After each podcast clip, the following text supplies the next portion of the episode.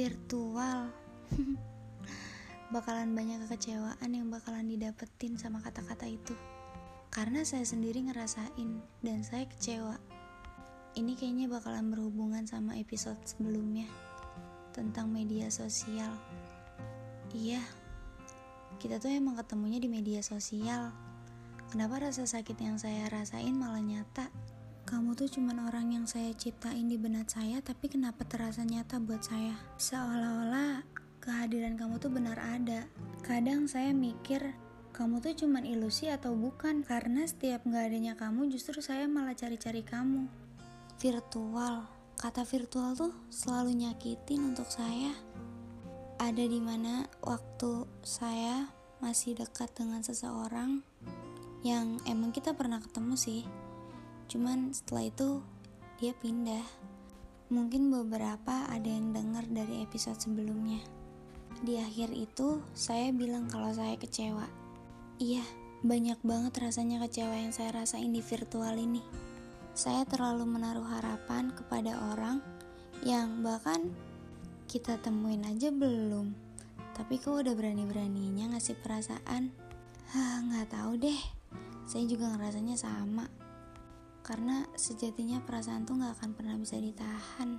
Saya masih belum bisa mengerti waktu itu. Ini beneran saya sayang? Atau cuman karena saya kagum? Atau jangan-jangan saya terbiasa lagi? Iya, terbiasa. Terbiasa dia ada, terbiasa dia telepon, terbiasa ada kabar sama dia. Duh, rasanya saya bingung banget sih waktu itu. Gak mungkin sih, gak mungkin saya bisa baper cuman gara-gara pesan sama telepon atau cuman karena perhatian? Ah enggak enggak mungkin. Saya terus nanya-nanya ini kenapa ya sama saya? Saya beneran sayang? Saya beneran kagum atau saya beneran terbiasa? Saya mencari jawabannya terus-terusan sampai akhirnya karena dia yang sering banget bilang Viko aku gak mau buang-buang waktu aku mau serius. Kata-kata yang kayak gitu yang selalu bikin saya mikir, saya beruntung banget kalau dapetin dia.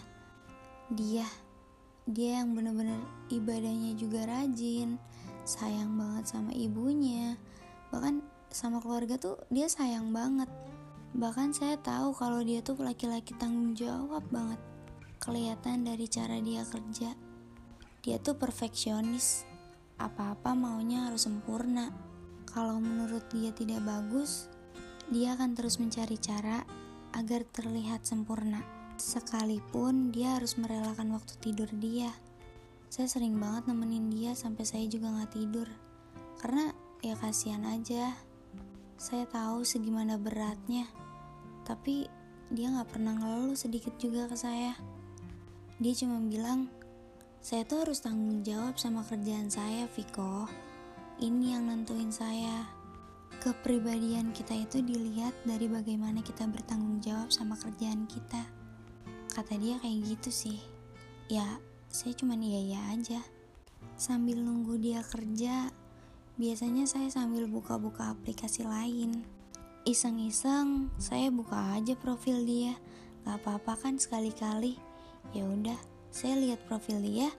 Tiba-tiba saya lihat ada sorotan yang nunjukin ternyata selama ini orang yang saya kagumi itu sudah mempunyai wanita lain. Lebih tepatnya, dia emang udah punya, tapi saya yang mengganggu. Saya bilang ke dia, saya boleh nanya nggak? Terus dia cuma jawab, iya, saya boleh jawab nggak? Tanpa basa-basi saya langsung nanya ke dia, kamu gimana sama pacar kamu? Dia langsung berhenti dia langsung nunda semua kerjaan dia, terus dia datengin saya karena posisinya waktu itu kita lagi video call dan dia langsung dengan muka serius nyamperin saya. Hubungan saya lagi nggak baik-baik aja. Saya mau selesai, tapi dianya tidak ingin selesai. Ada masalah yang membuat saya ingin selesai dengan dia, dan saya nggak bisa jelasin semuanya di sini. saya langsung bilang, ya udah, saya mundur ya. Saya nggak mau ada yang disakitin di sini. Dia cukup lama diam, dia gak bisa bicara apa-apa. Saya lanjutin omongan saya ke dia. Kalau akhirnya dia gak bisa ngelepasin kamu, dan saya malah terus bertahan sama kamu, rasanya saya kayak peluk pohon katus. Semakin erat saya peluk, semakin katus itu menyakiti saya, dan semakin sakit yang saya rasakan. Tapi saya mencoba untuk melepas juga, Akhirnya duri-durinya masih menancap di badan saya, yang di mana itu juga bikin saya sakit. Dia masih sama, dia masih gak berbahasa apa-apa sampai akhirnya saya bilang ke dia, kenapa diem? Saya kan gak minta kamu diam. Saya bingung mau bilang apa, kata dia dia bingung. Terus saya apa? Saya bahkan lebih bingung daripada dia. Dia memberikan harapan kepada saya, tapi Justru saya nggak hati-hati sama harapan yang dia kasih. Saya malah memasukkan harapan-harapan itu ke dalam impian-impian saya. Akhirnya saya yang jatuh karena ekspektasi saya. Akhirnya, karena saya nggak mau kelihatan lemah, akhirnya saya bilang ke dia, saya mau istirahat, saya capek. Maaf ya, saya nggak bisa nemenin kamu lagi. Saya kayaknya mau tidur deh. Kamu jangan begadang lagi ya. Dengerin omongan-omongan saya kemarin. Sholat makan. Saya nggak mau ngedenger kamu telat makan cuman karena kamu sibuk kerja lagi. Setelah selesai istirahat ya. Tidur jangan terlalu capek. Seolah-olah dia ngerti maksud saya. Kamu kenapa biasanya kamu nggak pernah matiin telepon saya bahkan kalau saya mau matiin telepon juga kadang kamu nggak mau saya nggak dibolehin buat matiin teleponnya Jaga diri ya Viko. Saya langsung ngerti maksud dia apa. Setelah selesai, tiba-tiba dia mengirim saya pesan. Jaga diri ya, lakuin hal yang baik-baik saja. Kamu tuh udah gede, jangan kebanyakan begadang lagi. Makasih ya udah bikin saya mikir. Saya emang gak akan baik kalau saya terus-terusan kayak gini.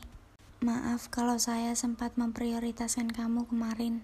Tapi saya nggak pernah bisa jadiin kamu yang pertama. Mau nggak mau saya harus punya keputusan. Makasih udah peduli sama saya. Makasih udah mau dengerin saya. Makasih udah jadi penasihat untuk saya. Saya tahu kamu layak untuk dijadiin nomor satu.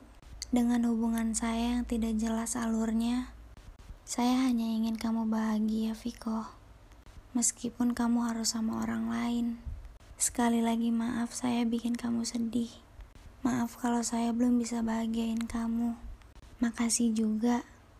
Kamu orang yang paling nyambung sama saya. Makasih kamu ngisi hari-hari saya. Saya bakalan kangen sama kamu. Jadi jangan lupain saya ya. Jujur sebenarnya saya nggak pengen baca pesan itu. Tapi saya penasaran.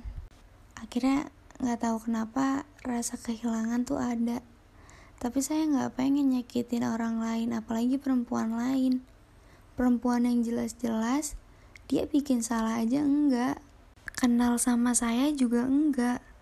Jadi saya akan tetap terlihat bajingan kalau saya merebut milik dia orang yang bahkan saya nggak kenal sama sekali bisa jadi itu kebahagiaan dia saya merebut kebahagiaan dia saya kagum Dika sama kamu dan iya saya emang ternyata cuma kagum sama kamu. Memang, awalnya saya kesepian banget gak ada kamu. Rasanya, aduh, kok aneh ya gak ada yang telepon saya. Biasanya HP saya bawel banget nih.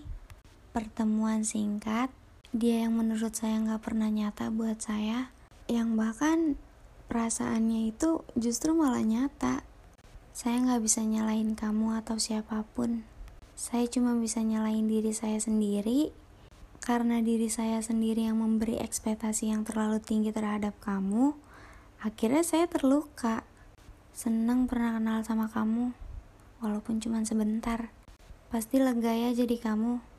Kamu bisa meninggalkan seseorang karena sebelumnya kamu sudah pernah menyadari bahwa itu saya. Tapi saya enggak. Rasanya saya masih ingin tetap bertemu karena sedari awal hanya kamu yang mampu memperhatikan saya, tapi saya belum sempat. 5 menit yang saya pakai saat itu 5 menit di mana saya memperhatikan kamu untuk pertama kalinya mungkin memang sudah cukup semesta gak merestui kita terima kasih mengajarkan saya bagaimana rasanya kehilangan sebelum memiliki kehilangan seseorang yang bahkan belum pernah untuk saya tatap secara langsung.